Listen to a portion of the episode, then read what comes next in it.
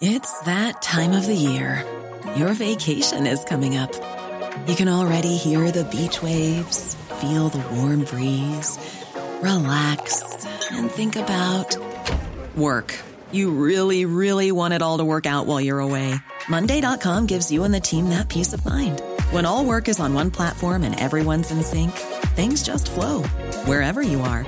Tap the banner to go to Monday.com. There's never been a faster or easier way to start your weight loss journey than with PlushCare. PlushCare accepts most insurance plans and gives you online access to board-certified physicians who can prescribe FDA-approved weight loss medications like Wigovi and Zepbound for those who qualify.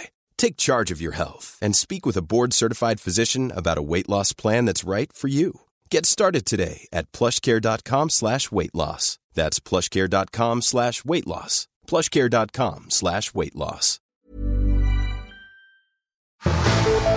Krasjet i 150 km i timen. Fire døde. Det er overskriften. Og i nyhetssaken så er det bilde av eh, blonde Julia som eh, poserer med lange øyevipper mens hun tar en selfie. Og Julia er også passasjer i denne bilen og ble selv hardt skadd. Vil Julia fremstilles sånn i en sak om sine fire døde venner? Eller er det Dagbladet som har valgt bildet uten helt å tenke seg om? Hvordan avgjør en redaksjon hva slags bilder som skal brukes i nyhetssakene sine? Det lurer jeg på denne uken. Jeg heter Christian Lydemar Strander, og velkommen til eh, Tut og mediekjør. Podkasten for deg som er nysgjerrig på hvordan journalistikken blir til i våre 223 aviser, på nett og papir, og selvfølgelig også i radionyhetene og på TV. Og for å finne ut av det, Eva Sandum, hei. Hallo. Går det bra? Det går fint. Ja. Du har fortsatt uh, sittet eh, 14 år i Pressens faglige utvalg. Ja, som Ja. allmennhetens representant, ja. Ja, fint. Er det noe annet du vil si fra karrieren din som er viktig å få med her uh, i denne podkastserien? Jeg har jobbet som uh, servitør på et bakeri Har du det? Ja, i ungdomstida. Hva gikk det mest i? Krill... Kaffe og napoleonskake. Ikke sant? Så det er, du er spesialist på å servere det? Jeg er veldig glad i kaker, i hvert fall. Ja, du er det? Ja. Og så lagde vi vafler med softismix i røra, og det var veldig populært. Og hvordan fikk du brukt dette i Pressens faglige utvalg? Uh, Jeg kan ikke huske at jeg har anvendt den erfaringen spesielt mye i PFU, nei. Men Jeg er veldig glad at du har den her i Tut og Medikjør. Ja, den tar jeg med meg. Ja, veldig fint. Svein Tore Bergstuen, Hei, hei, hei. hei, hei. Du sitter her med caps og briller og eh, T-skjorte. Det er varmt, eh, men hva har du gjort siden sist? Dette er radiomannen, vet du. Han skal skape bilder i hodet Ja. til folk. Ja, og, og legg merke til du som hører på. Nå vet du hvordan Svein Tore ser Ja, men ut. jeg vet ikke hvordan Eva ser ut. Ja, Eva har en nydelig grønn kjole. Furrig. Ja, det har hun. Ja, ja det, det er ikke så mye mer. Nei. Du har mer ting på deg. Ja, ja, jeg har det. Eva har ett stykk kjole. Men nå skulle jo ikke dette handle om deg, Eva. Du har fått din tid, kaketid. Dette skal jo handle om Svein Tore Bergestuen. Eh, Du er jo fortsatt kommunikasjonsrådgiver, som du også, Eva, er. Eh, Det skal du ha. Eh, Og eh, tidligere journalist eh, og forfatter. Musiker, eh, syklist. Eh, Hva, hva har du gjort siden sist? Og øh, jo, vi sliter jo Når du har konfirmanter hus som skal konfirmeres, og koronatiden har utsatt det, så er det plutselig en vanvittig vanskelig oppgave å finne et sted du skal konfirmere denne guttungen. Det fins jo ikke ledige lokaler noe sted. Så det driver jeg og baler med. Skal jeg slå Herregud, opp jeg et trodde det var ledige lokaler overalt, jeg. Hæ? Jeg trodde det var ledige lokaler overalt. Ja. Det er så Nei. mye som er stengt ned. Nei. Kan du, ikke, kan du ikke leie sånn Oslo Spektrum, da? Da er det jo nok plass. Kan dere sitte to meter fra hverandre? Riktig. En kinosal. Nei, så jeg vet rett og slett ikke. Tar imot tips. Telt i hagen. Veldig koselig. Det kan vi jo bruke den eh, podkasten til. på store fester. Vi kan jo spørre folk. Ja, Nå tror jeg vi skal gå til sak én. Ja, Ja. kanskje vi skal gjøre det. Ok.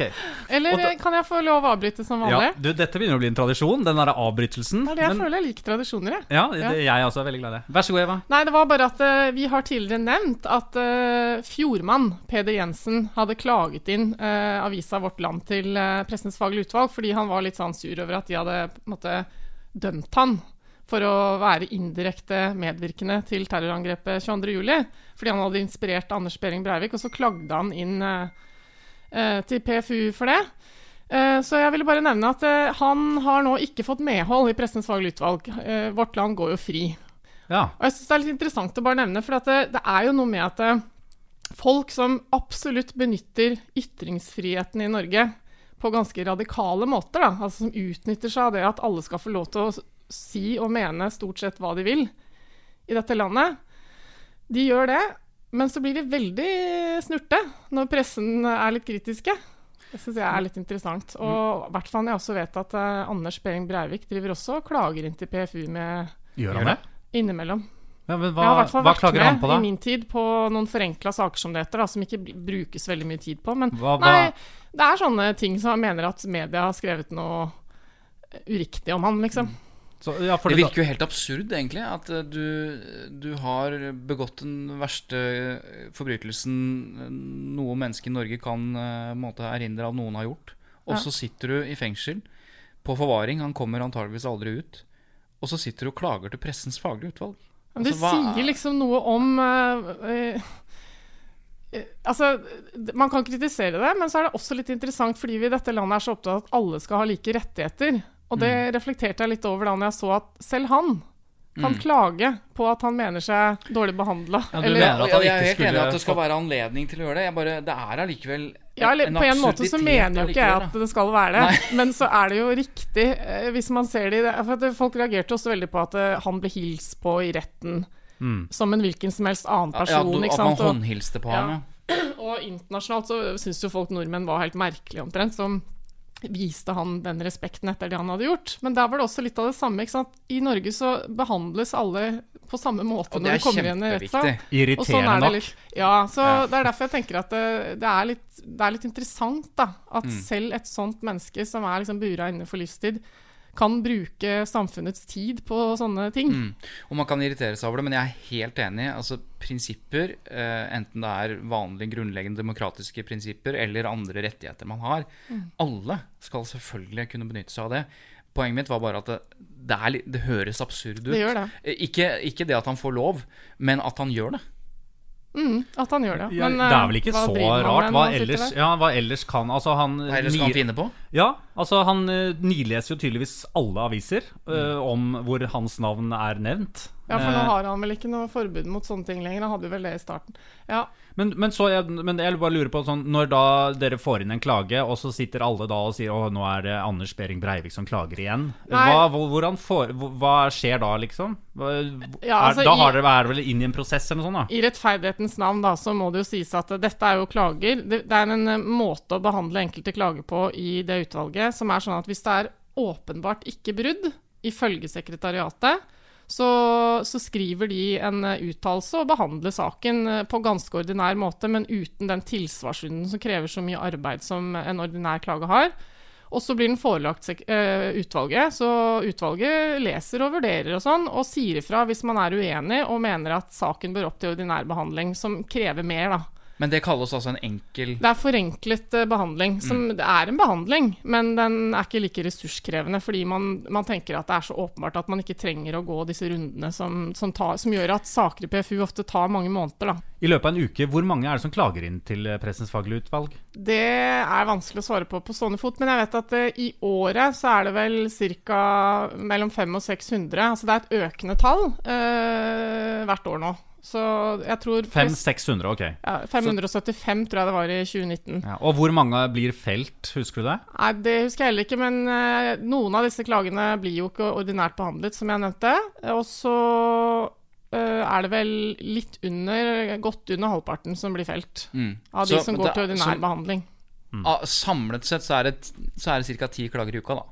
Ja. Ikke sant? Med inkludert rubbel og bit. Så det er to av de Anders Behring Breivik. Nei, nei, nei, altså dette er ikke sånn at det er liksom et par klager i uka fra han, altså. Det var ikke, men Ah, nei, det, det har forekommet. Ja, riktig. Ja. greit, greit. Ok, dere. Er det mer nå, Eva, du vil vi skal ta opp før sak én? Eller er du fornøyd? Nei, jeg tror jeg er fornøyd, ennå. nå. Ja. Da går vi rett på uh, sak én. Og det er rett og slett uh, fra Dagbladet.no. For der lå det lenge ute, og ligger fortsatt ute, uh, en sak med tittelen 'Krasjet i 150 km i timen'. Fire døde. Og så er det bildet da Julia, 14 år. Hun tar, Og dette bildet er litt spesielt, fordi hun tar altså Det er bildet, hun har langt blondt hår, lange øyevipper. Eh, tydelig stæsjet opp eh, for, for å ta dette bildet. Hun tar en selfie, så hun poser til kamera. Og Julia var også passasjer i denne bilen. Hun overlevde ulykken, men er nå hardt skadet. Så for meg så ser det veldig rart ut å se på det bildet av henne i en sak om sine fire døde venner. Og jeg lurer jo med en gang på er dette et bilde som Julia selv faktisk ønsker skal være forbundet med denne saken? Eller er det Dagbladet som, som eh, rett og slett har bare gjort et valg av et bilde? Svein Tore, velger journalister bildene til sakene sine helt på egen hånd? Hvordan fungerer det der? Ja, de gjør det på egen hånd, men de har noen regler å forholde seg til. Ehm, og eh, i første omgang så skal du ha tillatelse til å bruke bilder. Ja. Et sånt bilde som dette her, bilde. som er et privat bilde fra åpenbart en, eh, liksom fra sosiale medier, eh, så skal de i utgangspunktet ha tillatelse til å bruke det bildet. Både etisk og juridisk, for så vidt. De har ikke rettighetene til det bildet. Så kan det bli en diskusjon hvorvidt bildet er offentlig. Og da er vi inne i en diskusjon som er litt vanskelig. For hva er, er alle sosiale medier-bilder mm. offentlige? Én ting er at du har gitt dem bort til Facebook, men, men, er de offentlige? For det har du jo. Det har du jo, faktisk. ja. Rettighetene har du gitt bort. Men, um, men, men la oss holde oss til etikken, da. Og da ville det vært helt naturlig at dette bildet må enten være da gitt til Dagbladet, altså at familien som opplever denne tragedien, skjønner at dette her er en, er en sak som blir omtalt, så da gir man ut et bilde som kan brukes. Eller så har Dagbladet funnet det og spurt om tillatelse til å bruke dette bildet. Så, så Hvis de ikke har gjort det, så har de begått, eh, mener jeg, et, et overtramp. Det er nok uh, viktig at du sier 'mener du' da. For mm. uh, jeg tror nok det forekommer en del. Og der blir vurderingen litt sånn sakens alvor, uh, omstendigheter rundt osv. For jeg tror nok det skjer hva, hva, da? At man, man, har ikke et bilde av en person som skal omtales i en nyhetssak. Og litt avhengig av sakens anledning, så kan det forekomme ja. eh, at man å si, rapper et bilde. Man går inn på sosiale medier, tar ja, det derfra, og så eh, og, og, rettferdiggjør det ved at eh, liksom Allmennhetens interesse. Ja. ja, og det er jeg enig i. Altså, hvis saken hadde vært snudd på hodet, la oss si det hadde vært en sånn type terrorsak, da Altså en, en, en, en, fyr som eh, Manshaus, eh, f.eks. Da eh, Han hadde jo lagd en ferdig pressepakke, da, en bildepakke, som mediene mm. brukte. Men hvis det er en, sak som handler om sant, kriminalitet eller, eller hvor noen har begått en, en alvorlig handling, da, så kan man forsvare bruken av den, den, type bilder. I dette tilfellet det var derfor jeg mente det er en helt annen type sak. Det er en tragisk bilulykke. Noen er døde, noen er skadd. Da går ikke pressen inn og bare rapper et bilde fra sosiale medier og kliner utover forsida. I hvert fall så mener jeg det. Som regel gjør de nok ikke det, og mitt inntrykk er at de har blitt mye mer varsomme på det. Jeg tror nok det har vært en periode hvor dette har vært litt sånn uavklart i pressen. At eh, noen har kanskje tenkt at det må være greit, mens mm. andre har tenkt at det er absolutt ikke greit. Og her har det vært vært litt utydelig, sånn som jeg ser det. Mm. Det er min uh, opplevelse av hvordan det har vært. Men at uh, de nå liksom har landet uh, som samlet presse på at det er god folkeskikk mm. og god presseetikk å spørre om tillatelse. Og så er det jo kildehenvisning. Hvis du skulle finne på å hente et bilde ut fra sosiale medier fordi det er den eneste muligheten du har, så er det jo i hvert fall en regel at du må tydeliggjøre mm. hvor du har hentet det fra.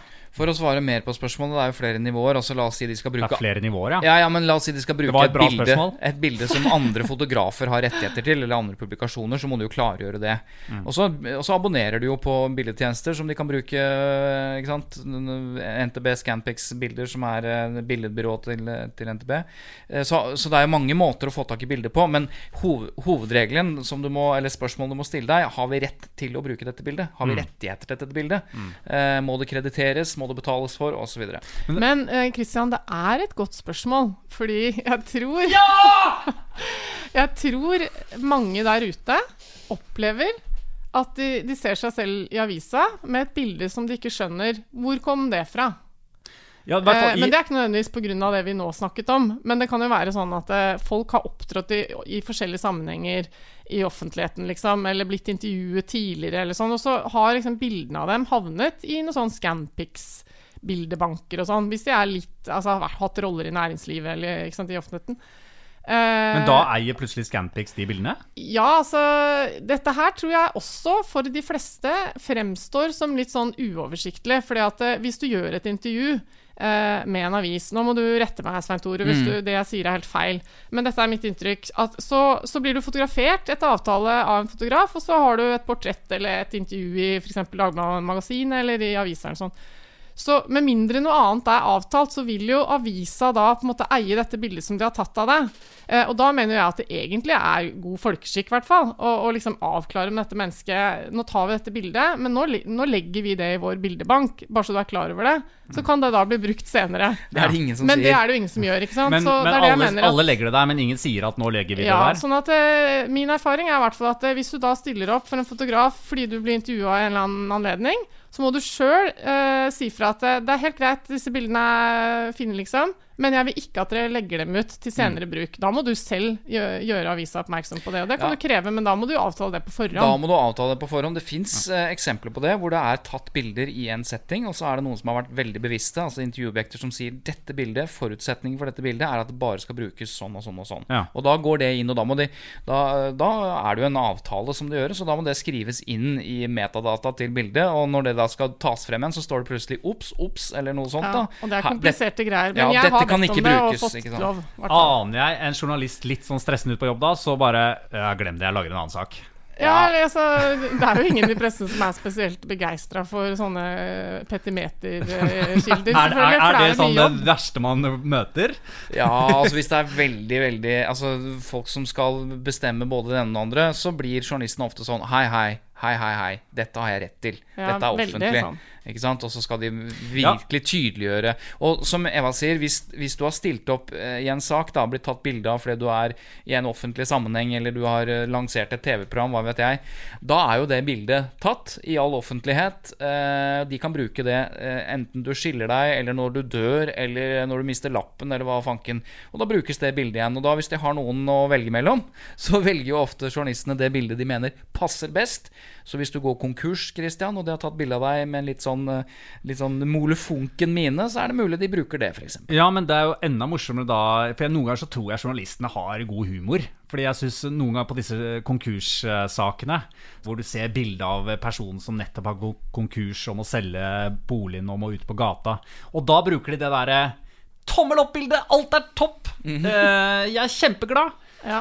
Og det ser jo også litt komisk ut. Ja, det, er, altså, det tror jeg definitivt de har. Har de ikke- det- det gjør de litt med vilje, tror du ikke det? det er flere sånne Instagram-sider og Facebook-sider og sånn som, som lager humor på den type ting. Men dette er humorvarianten av det, og du har Ja. helt rett. Altså Journalister har mm, stor, eller desker og fotografer har stor humor å finne det såkalt riktige bildet, det de mener eh, står seg best eh, i en sånn reportasje for å oppnå et eller annet. Da. Men den alvorlige siden av dette her er jo at et bilde et pressebilde, et foto, eller for så vidt video, eh, kan være svært avgjørende og viktig for hvordan folk oppfatter saken og personen. Ja. Altså Det finnes jo mange ikoniske eh, bilder av mennesker som har hatt stor betydning for hvordan vi oppfatter saken. Altså I verdenshistorien så er det jo bilder som har forandret historien. Eh, Eksempelet med, med denne jenta som løper naken etter å ha fått napalm over seg i Vietnamkrigen, som var jo med på å snu mye av stemningsskiftet i krigen. Altså Bilder har en enorm kraft. Men det fins jo bilder fra vår nære fortid også som er sånn uh, Dette bildet endret på en måte oppfatningen av, uh, av mennesker. da For Tenk- eksempel. Nei, jeg tenker nå spesielt på uh, Kjostolf eh, Moland og Joshua French, når de Ja. ble, ble arrestert for å, å tatt livet av, av en fyr i, eh, i Kongo. Og hvis dere husker bildet, så var det jo han Det var vel han uh, Moland som Ja. står eh, svært happy og glisende og peker inn i en bil der det nettopp har blitt skutt et menneske, og da lurer jo folk på Det er ikke Mm. noe særlig tvil om hva som har skjedd her, liksom. Her skryter de til og med av det. Det er jo liksom førsteinntrykket man får. Ja. Og da, og da vil jo alle tenke at de er skyldige. De står her og gliser. Og så blir jo dette forklart i etterkant med at han var i sjokk, f.eks. Og folk vet jo ikke hvordan man reagerer når man opplever helt ekstreme ting. Noen ler, noen gråter, noen blir apatiske. Ja, og det der, er, der har pressen mye makt, altså. Tenk Ja. på altså bare det, hva et bilde kan si. Ikke sant? Viggo Kristiansen også fra Baneheia. Eh, Der også har man jo et veldig tydelig bilde av han. For det var ett bilde som ble brukt, et veldig kornete, blåst opp bilde, hvor han Han ser eh, rimelig gæren ut, for å si Mm. det sånn. Og spørsmålet er bare liksom, hvis det hadde vært et annet bilde som hadde kommet pressen i hende på den tida der, som hadde blitt brukt like mye som det bildet jeg nå snakker om, så kan det godt hende at allmennheten hadde sittet med et helt annet inntrykk av uh, han. Nå har vi laget podkast om Baneheia, Kristian. Det har vi. Ja. Det skal vi si, og vi berører jo dette her Ikke det bildet, for det er, jo, det er jo riktig, det er det mest kjente bildet. Men det er klart det som jo fikk stor betydning for saken, var jo at TV 2 filmet De brøt på en måte fotoforbudet, og så filmet de Viggo Kristiansen etter at straffeutmålingen ble kjent. Og da gliste han. Ja. Ikke sant? Han flira etter å ha fått 21 år for disse bestialske drapene. Eh, og TV 2 begrunnet da det eh, bruddet da, med at dette, vi, dette er viktig for å vise eh, hans reaksjon. Eh, og dette ble de ikke sant? Det, De kom for alle rettsinstanser, og til slutt ble TV 2 frikjent til Høyesterett for bruken av dette bildet, selv om det i utgangspunktet var fotoforbud. Og det bildet tror jeg var eh, la Eller vi vet jo at det hadde mye å si for hvordan folk oppfattet uh, Viggo Kristiansen. Det sementerte på sett og vis han, eh, oppfatningen av han som et monster. Da. For det- hvem er det som gliser etter at du har fått Ja. 21 år? Og det, og det redaktørene, så vidt jeg husker, har jo i ettertid eh, innsett det. At det Ja. bildet var for viktig til å skulle være der. Ja, faktisk så var det sånn Det var jo Kåre Valebrokk, den legendariske redaktøren. Han var da sjefredaktør i TV 2 den gangen, som kjørte den saken helt til Høyesterett og vant. I ettertid så har TV 2 eh, uttalt at de ser at bruken av dette bildet fikk store konsekvenser, og at de i dag ikke, eh, antageligvis ikke ville tatt den samme vurderingen. Nettopp fordi så konsekvensen av den medieeksponeringen, eller den for, ikke forhåndsdømming, da, det ble, en, det ble jo etterdømming, på en måte, eller, eller forsterkning av, av, av dommen. da. Hvis du har lyst til å høre mer om dette bildet, så Mm. kan du eh, høre på Baneheia-podkasten, eh, som ligger ute der hvor du eh, finner eh, dine podkaster. Det Men dette kan jo også brukes andre veien, fordi folk er jo også klar over virkningen eh, av hvordan de fremstår når pressen tar bilde av dem. Da. Sånn som David Toska i lusekofte i retten. Ja, Det var jo ikke helt uh, tilfeldig, det heller. Han skulle jo danne et bilde av seg selv der. Altså Du har på en Ja, måte det- det både de intervjuobjektene som, som stager eller eh, sørger for at de får et bilde av seg i media som er fordelaktig, eller skal Ja. tjene en eller annen sak. Uh, og så har du da omvendt, som vi har snakket om, også journalister som tar bilder og velger ut bilder for at det skal tjene på en måte, den journalistiske vinklingen. Du tenker det- nå det er på Erna Solberg med sine bilder og Ja, altså Erna Solberg er et kjempegodt eksempel på flere ting. Eh, ikke sant? Der har du dette Det jeg mener har hatt størst betydning, det viktigste bildet tatt av Erna Solberg noensinne, som har fått politisk betydning, mener jeg, det er Hva tror du jeg skal si? På kjøkkenet. Riktig. Ja, er Når alle utrolig. så hvor rotete hun hadde på kjøkkenet, Ja. altså les akkurat som jeg har det, Ja. og skjønte at statsministeren i Norge var akkurat som meg, den folkeligheten det representerer, og den nærheten på en måte det gir til folk, da det er, og dette har Fridtjof Jacobsen også skrevet mye om, som var politisk kommentator VG, har skrevet bok om Erna Solberg. Dette, denne folkeliggjøringen, kjempeviktig. Det var et PR-grep, Ja, fordi det, det, Hvor bevisst er et sånt bilde, dere som kommunikasjonsrådgivere? Ja, altså, det kan godt hende at eh, akkurat da det skjedde, så var det ikke tenkt som et PR-grep. Altså, eh, det kan godt hende at eh, Det bare sagt, skjedde. ja, at det bare skjedde. Og så var sikkert rådgiverne litt stressa, men etterpå kjempeglad, for det var jo det beste de kunne Ja. funnet på, liksom. Ja. Eh, men det er jo et kjent PR-grep, ja. Mm. At man, eh, man stiller den man vil sette i søkelyset, på et strategisk riktig sted for å liksom, sende riktige signaler, da, selvfølgelig. Og så har jo Jonas Gahr Støre, eh, formann, ja ikke formann, leder i Arbeiderpartiet, eh, gjort det motsatte ifølge ekspertene. ikke sant? Når han stiller opp i tømmerhoggerskjorta, så får han kjempekritikk, for da prøver han visstnok å være noen helt andre enn han er. Fordi han er jo en elitestudent fra fransk universitet, og han er født på vestkanten, og han har en Hvorfor skal han eh, liksom kle på seg tømmerhoggerskjorta? Og så vet jo jeg, for jeg har jobbet med Jonas Gahr Støre, Ja. at dette er en skjorte han går i hele tiden når han ikke er på jobb. Han elsker å gå i tømmerhoggerskjorta når han er på hytta osv. Og, så og når da pressen kommer og skal ta bilde av ham på hytta, så er det det vanlige antrekket. Mens Men nå folk tror jeg han har begynt å ta på seg Ja. litt mer, for han var på Grønland eller sånn her for ikke så lenge siden. ja, men Han har jo også og sånn, fritidsantrekk, akkurat som alle andre. Ja. Men poenget er, folk oppfatter det som en så stor kontrast mellom liksom den Støre de ser, og den tømmerhoggerskjorta, at de tror at det er påtatt. Det er det jeg mener. Jeg tror at han nå har fått råd om at eh, det, det, folk tror ikke på det. Nei. Så det Nei, så har må begynne å ta av seg den skjorta han vanligvis bruker. Stakkars Støre. Han, alt han gjør, blir litt feil. Ja. Men eh, det er en er tendens til det. Det er vanskelig. Vanskelig, altså. Ikke så lett. Men uh, fikk, Ja, fikk meg til å tenke på en annen ting. Okay. Uh, og det er Husker dere hun Martine som ble drept i London? Dette er noen Ja. år siden nå. Det er, det er jo Eh, en podkastserie ute nå. Ja, nettopp. Mm. Og det er derfor jeg kom på det. For at i den podkastserien som NRK har laget, på hele historien, Mm. eh, tror jeg det er, så, så forteller familien at da hun ble drept, så fant den britiske pressen bilder av henne på sosiale medier. Igjen, litt sånn som vi snakket om i stad. Og da tror jeg det var litt sånn eh, Det bare henta de. Ja, og og Britiske mye- tabloider jobber jo på en litt annen Litt måte. annen måte. eh, Selv om de er faktisk kjent for sin, eller har i hvert fall vært tidligere, kjent for sin gode Press Ethics Commission og sånn, men eh, Det var tidligere, det. det var tidligere. Men det var mye sånn partybilder av en ung litt sånn, ikke sant. Det var mye fra de var ute på byen og sånn, så hun fremsto litt sånn som en partyprinsesse som blond og kommet til London og kose seg med Londons uteliv. Og, og da fikk familien et råd som ifølge dem eh, endret hele synet på den saken. Vi kan høre et lite utdrag fra hele historien, NRK-podkasten, om drapet på Martine Wiik Magnussen. Odd Petter har tatt med det bildet av Martine hun selv ønsket å ta hos fotograf, sommeren et halvt år tidligere. Og det bildet jeg da tok med, er det ikonbildet som, som oftest har vært brukt om Martine, hvor hun er litt alvorlig og ser litt sånn over skuldrene på deg. Politiet hjelper foreldrene med å skape et mer sannferdig bilde av jenta deres.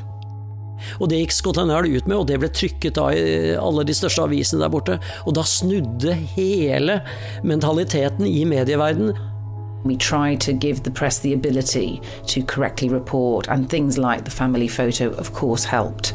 And the more information we could give, like she was out that night celebrating her exams, she had, was in a, a very, you know, uh, top level business school and she'd scored highly in exams, all that kind of stuff actually tipped the balance, and that was really helpful. Og ever since så har sympatien med oss, med Martine, fullstendig dominert all medieomtale i England og også i eh, Europa for øvrig. Så det bildet eh, har vist seg å være ekstremt viktig.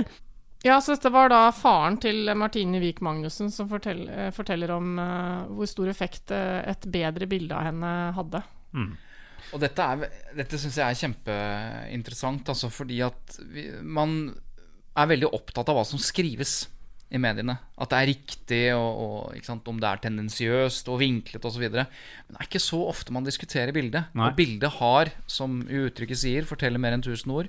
Og i noen sammenhenger er det faktisk riktig, og det, og det preger folks oppfatning av, eh, av saker. Da. Så mm, det er jo noe som både intervjuobjekter eh, og journalister eh, må være veldig bevisst. da den, eh, hvordan et bilde og bruken av bildet påvirker folks oppfatning av saken. Og dette ligger jo i Vær varsom-plakaten og, og Ja i pressens etikk på presentasjon. Det er da. flere punkter i den plakaten som berører dette. ikke sant? Eh, Både generelle punkter som, eh, som, sånn, som handler om å legge vekt på saklighet og omtanke i innhold og presentasjon, sånne overordna punkter. Og så er det jo punkter som snakker om at man skal verne om eh, det journalistiske fotografiets troverdighet, men det handler jo mer om eh, bildene som de tar, da. At ikke det skal manipuleres med. ikke sant? At man skal ha respekt for at bilder skal brukes i riktig sammenheng. Mange sånne typer regler som touches innpå i flere punkter der, da. Men hvor stort problem er dette her med bru feil bildebruk? Er det mange som, eh, som uh, klager inn til PFU at uh, dette bildet er feil? Nei, det er ikke et uh, veldig vanlig klagepunkt, egentlig. Ting som handler om bilder. Uh, fordi at jeg tror pressen er jo veldig ofte ganske flinke til å følge det som er deres egne regler. At det skal være kildeanvisning, så hvor er bildet hentet fra, og hvis det er hentet fra et annet sted, så skal det stå tydelig og sånn. Men jeg tror nok allikevel, er mitt inntrykk, at ganske mange folk blir overrasket hvis de selv medvirker i pressen av hva slags bilder som følger med i artiklene om dem. Uh, og så tror jeg ikke det fører så ofte til klager, for det er ikke sikkert det er noe å klage på. Men det er bare det at jeg tror ikke folk nødvendigvis er så forberedt på de bildene som kan komme, da. Eh, Men altså, er det sånn at man da eh, Nå vet jeg ikke hvor mange eh, som ja, dette er relevant for, da, men er det sånn hvis eh, man skal forsikre seg om at det riktige bildet brukes i, i pressen, bør man da liksom sende inn bilde av seg selv til redaksjonen? Ja, ja. Er det, skal man gjøre det? Jeg skal, altså det er, det står man jo eh, helt fritt til. Ja, Hvem Og det- sender man til da? Eller? Nei, Hvis du vet at, eh, at, det skal, at du skal omtales i en eller annen sak, og så vet du fra før at de har dårlige bilder, eller bilder du ikke er, liksom, er fornøyd med, så kan du jo tilby et annet bilde. Altså, her er et bilde som ikke er 15 år gammelt, som er meg nå, som er representativt, det er tatt av den fotografen. Her har du det. Ja. Så er det jo ikke du som bestemmer om de skal bruke det bildet, men, men det er jo mange eh, Jeg kjenner mange eksempler på at folk har sendt inn bilder som, som eh, journalistene og avisene tenker dette er jo et mye bedre bilde. Dette representerer jo Så da bruker vi det. Men den avgjørelsen privat, ligger selvfølgelig eller- hos eller- redaksjonen. Ja, eller kreditert med en fotograf, da. Så da, til alle til deg som hører på, alle som hører på, send inn bare bild, masse bilder av deg selv til alle redaksjonene. Sånn som men jeg må bare terroristene gjør, det er jo litt fjernt, da, for de gjør jo det. De passer jo på. De- Og, nei, altså, de, disse terroristene har jo en tendens til Ja, å legge ut en skulle si. oh, ja. på Manshaus, nettet. Bo- Manshaus Både er jo et godt eksempel på det. og ABB gjorde det. Ja, ikke sant? Han hadde jo lagd en ferdig pressepakke, som det heter, som han skulle jeg håper å si, lansere ei fuckings plate. liksom Her har du bilder av meg. Uh, og, de, og da kommer pressen i et dilemma. Dette er bilder som viser terroristen, men de er også staged eller, eller la, satt inn på den måten han vil at det skal være. Og da, er det, og da vet jeg det var diskusjoner, og Mm, noen mm, valgte å bruke mange av dem. Mange valgte å ikke bruke noe, nesten, fordi de mente at vi skal ikke la terroristen bestemme hvordan han fremstår i eh, vår publikasjon. Så det er et dilemma der òg, når man får den type tilgang på bilder. da Men så er det noen som sier eh, vi må vise hvordan han selv prøver å fremstå, og så kommer bildene likevel. Så ja, det er vanskelig Ja. diskusjon, det der. Det blir en meta Ja. Du, Bare for å avslutte denne saken, eh, og bare kort tilbake til Hva skjedde egentlig med denne Dagbladet-saken? Eh, med dette bildet med, med denne tra dette tragiske bilkrasjet med fire døde og Julia på 14 år, som Det var jo en eh, vår. diskusjon på Facebook om det, så jeg. ja, fagmedarbeider på Institutt for journalistikk, Trygve Aas Olsen, han er en sånn offentlig vaktbikkje. Han, eh, Med en gang det er et eller annet som er kritikkverdig, så poster han gjerne. Og han stilte spørsmålet Jeg aner ikke hva Dagbladesken tror, men jeg, eller ikke spørsmålet. Han sa jeg aner ikke hva Dagbladesken tror, men jeg tror ikke Julia ønsker å posere på denne måten i en sak om sine fire døde venner. Det tok han for gitt, så Ja. han tok utgangspunkt i at dette var et slags, en, en dårlig avgjørelse av Dagbladet. Ja. Så kommer det fram eh, fordi vaktsjefen eh, i Dagbladet svarer, og så skriver han jo at nei, dette er det bildet familien ønsket skulle bli brukt. Akkurat. Og da er det jo ikke den type brudd eh, på etikken som jeg mener det ville vært, og jeg ville vært enig med, med Aas Olsen. Men allikevel, som han også poengterer, det er samtidig sånn at presten må gjøre et selvstendig, etisk riktig eh, valg av bruk av bilder, selv om familiene mener at dette er bilder man skal bruke. Det er snakk om en 15-åring. Familien er antageligvis i både sorg og sjokk. Ikke at de skal beskyttes mot seg selv, men man må gjøre en selvstendig vurdering. Men det er litt forskjell på å si beskyttes mot seg selv og hjelpe dem til å ta en god vurdering.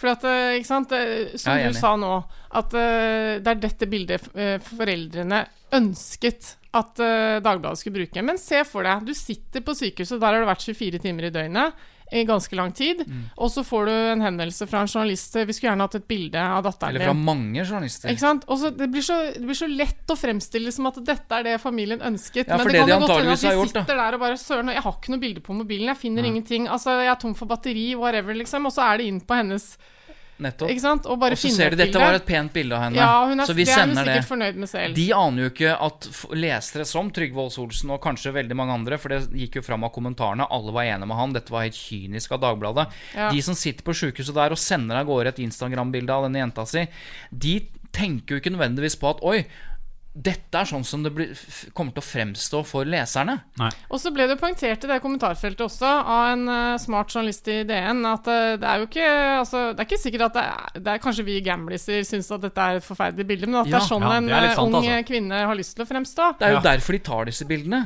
Ja. Unger i dag vil fremstå på en annen måte enn Men- det vi Ja, ikke sant. Ja, Men akkurat jeg- på dette bildet Vi kan jo legge det ut, da, så folk skjønner hva vi snakker om her. Ja. Eh, på Facebook-siden vår, Tut og Mediekjør. Men, um, men hun, hun, ta, hun Det er jo et bilde av at hun selv tar selfie. Og så er det veldig sånn eh, polert bilde, sånn Snapchat-filteraktig Mm. og sånn. Så eh, det er jo ikke noe rart. Det er ganske mange i den diskusjonen eh, vi så på Facebook, som reagerer. Vanlige lesere. Som reagerer liksom med avsky fordi de bare syns det er sånn ufint bilde å bruke. Ja. Vi ringte Dagbladet, eh, men de hadde dessverre ikke tid eh, nå og anledning til å stille opp. Men de har jo da eh, kommentert dette i denne Facebook-tråden og bekrefter at de fikk tilsendt dette bildet. Men de sier også at de, at de endret hovedoppslaget med dette bildet.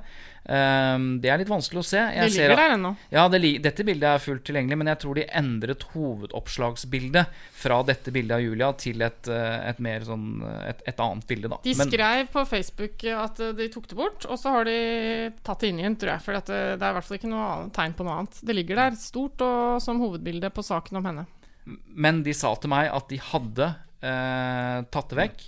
Og når jeg sa at det ikke var tatt vekk, så sier de jo, det er tatt vekk fra den saken vi diskuterer, sier de. Men bildet er lett å finne eh, om saken i saken om Julia. Der er bildet brukt. Ja, og det er ikke det, det som er hele poenget? Nei. Jo, men liksom, det blir Hvis jo veldig bildet sånn er god der, dag eller ikke? Jo, jo, men jeg er opptatt av rett for skal ha rett. Fordi at det, hovedsaken som Trygve Aas Olsen snakker om, er overskriften 'Krasjet i 150 km i timen. Fire døde'. Stort bilde av Julia som poserer. Det bildet er fjernet fra hovedsaken 'Krasjet i 150 km i timen. Fire døde'. Jo, men den finnes jo fortsatt der. Det er, Ja, det blir i, litt sånn- I samme Det er jo det er, fli, det er sånn eh, Ja, men det, det vi, Nå bare vi ble jeg anklaget, at Vi ble når anklaget når for at det var med, med den overskriften. Ja. Men det er jo hele ideen er jo bruken av det bildet. Når Dagbladet sier Siden at de de har ikke vil svare selv, så prøver du å gjøre jobben for dem. Riktig. Når Dagbladet sier at de de har fjernet dette bildet fra den saken, Mm. så har de rett i det. De har fjernet bildet fra den saken. Han der i klassen som sier det der, han er han irriterende på siste rad. Ja, men det hvert fall som irriterer meg, Nei. det er når nyanser forsvinner bare fordi folk sier sånn Ja, ja, men det er samme greiene. Ja. Nei, det er ikke samme greiene!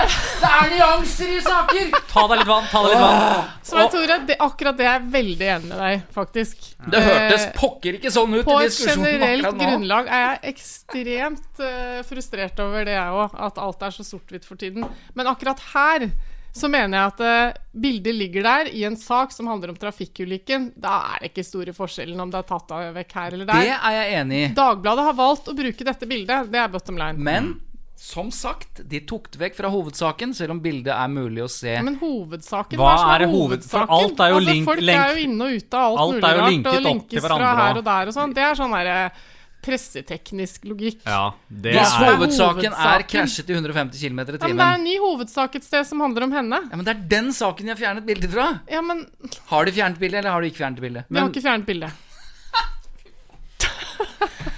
Oi, Men oi, det kan godt hende det er helt greit å bruke. Dere, vi må slutte av her, fordi vi har, må ikke glemme at vi har eh, den nye spalten vår, som er ukens eh, lytterspørsmål. Ja. Ja. den Eva, er- har du fått inn et spørsmål? Eh, Det er Svein Tore som har nå Tore, ja. annonsert at eh, han har et veldig relevant et, så da går okay, vi for hans. vær så god. Det er Lotte som har sendt e-post til tut at mm, lyderproduksjoner.no. Hun spør I, det er uten M, bare for du, du som hørte på. Det var en M. Det er tut, krøllalfa, lyderproduksjoner.no. Krøllalfa. Ja, hva sier Det er du? litt du? passé, føler jeg. Hva sier du? Et. at det er Har du gått på den det der er engelsk. engelske? Det, det er Du ikke må norsk, enten det, si krøllalfa eller alfakrøll. Og, Ja, og alfakrøll er helt ut. Der er jeg ikke helt så, Du sier sikkert dot òg, du, da. Uh, Dot .no. Mm. Oh, Men det gjør ikke NRK. Nei, Nei, det er fordi punkt. de har, eh, de, de, Punkt. de har stolthet over språket sitt. Mm, det har egentlig jeg. også. Jeg er litt inkonsekvent der. Jeg Ja. innser det. Ja, Mm. men nå har vi plassert deg i at. Kanskje vi skal høre på hva det spørsmålet var? Lotte skriver Kan jeg trekke intervjuet hvis jeg er misfornøyd? Åh. Many of us have those stubborn pounds that seem impossible to lose, no matter how good we eat or how hard we work out. My solution is PlushCare.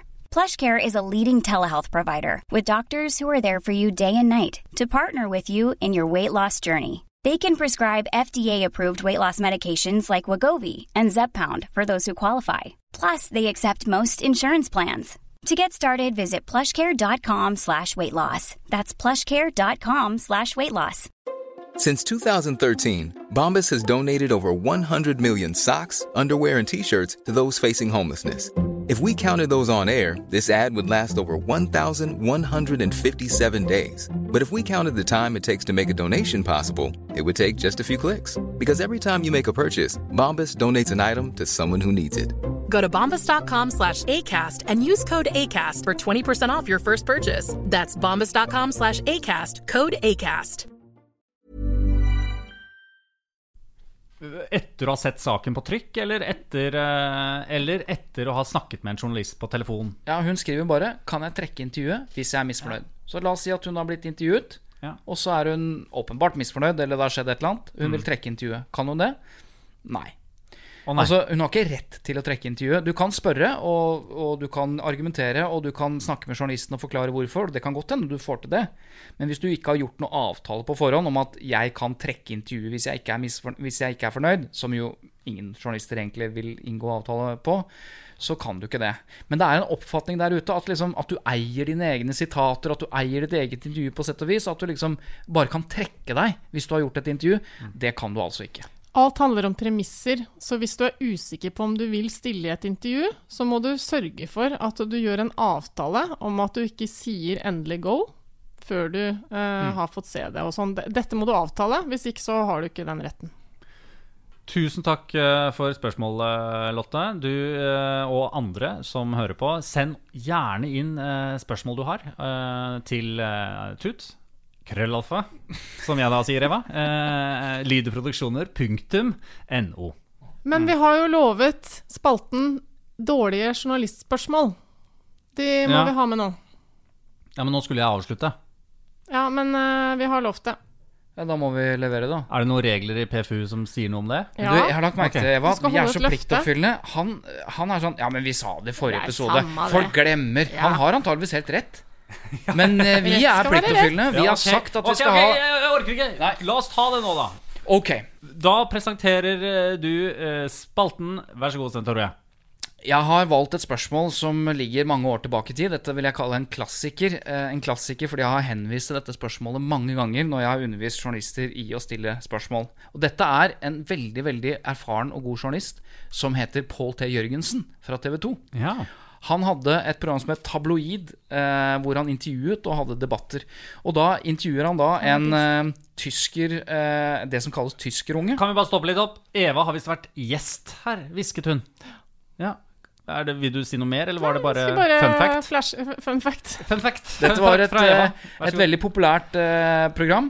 Og så hadde han en, en gjest som var opplevd grusomme ting, som var tyske barn. da Eh, Og dette er åpningen på hele programmet. Hør på spørsmålet.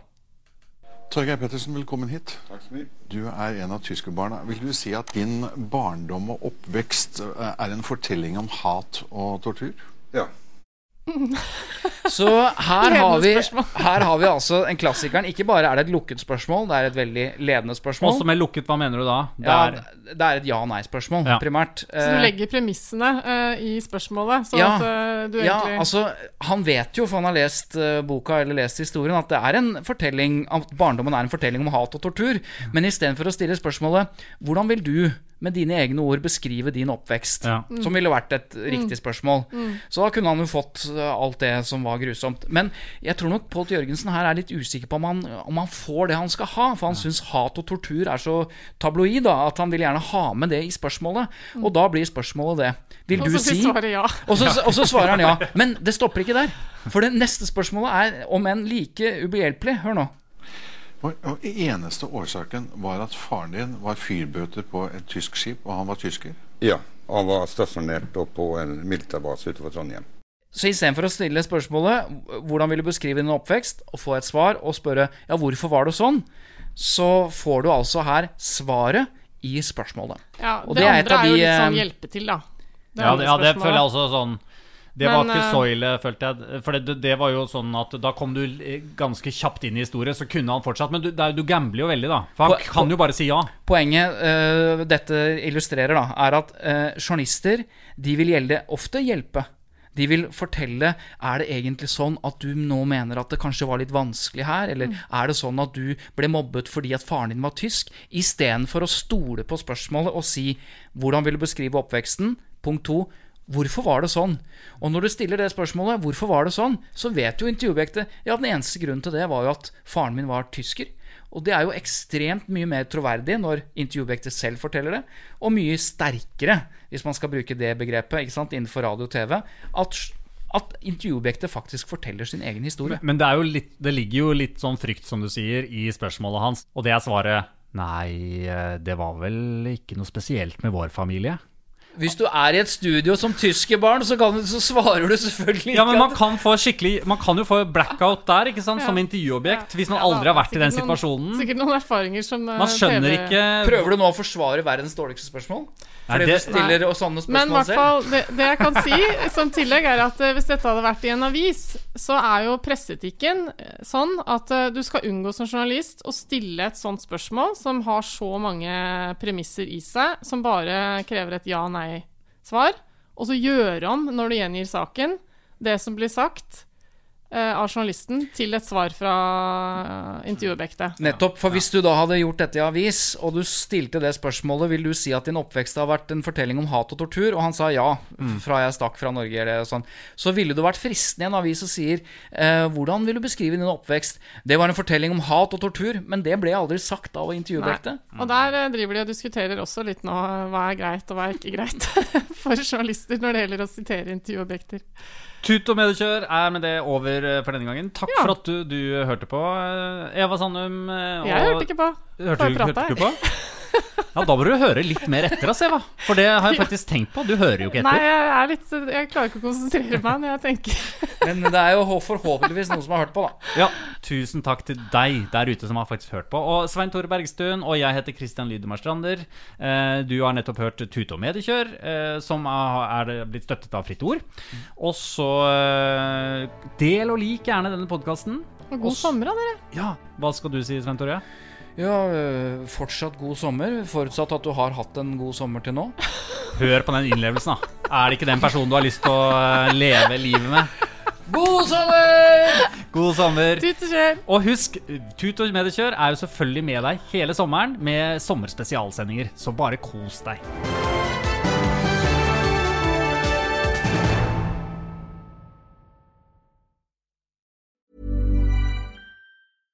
Want flexibility? Take yoga. Want flexibility with your health insurance? Check out United Healthcare Insurance Plans. Underwritten by Golden Rule Insurance Company, they offer flexible, budget friendly medical, dental, and vision coverage that may be right for you. More at uh1.com. Planning for your next trip? Elevate your travel style with Quince. Quince has all the jet setting essentials you'll want for your next getaway, like European linen, premium luggage options, buttery soft Italian leather bags, and so much more. And is all priced at 50 to 80% less than similar brands. Plus, Quince only works with factories that use safe and ethical manufacturing practices. Pack your bags with high-quality essentials you'll be wearing for vacations to come with Quince. Go to quince.com slash pack for free shipping and 365-day returns.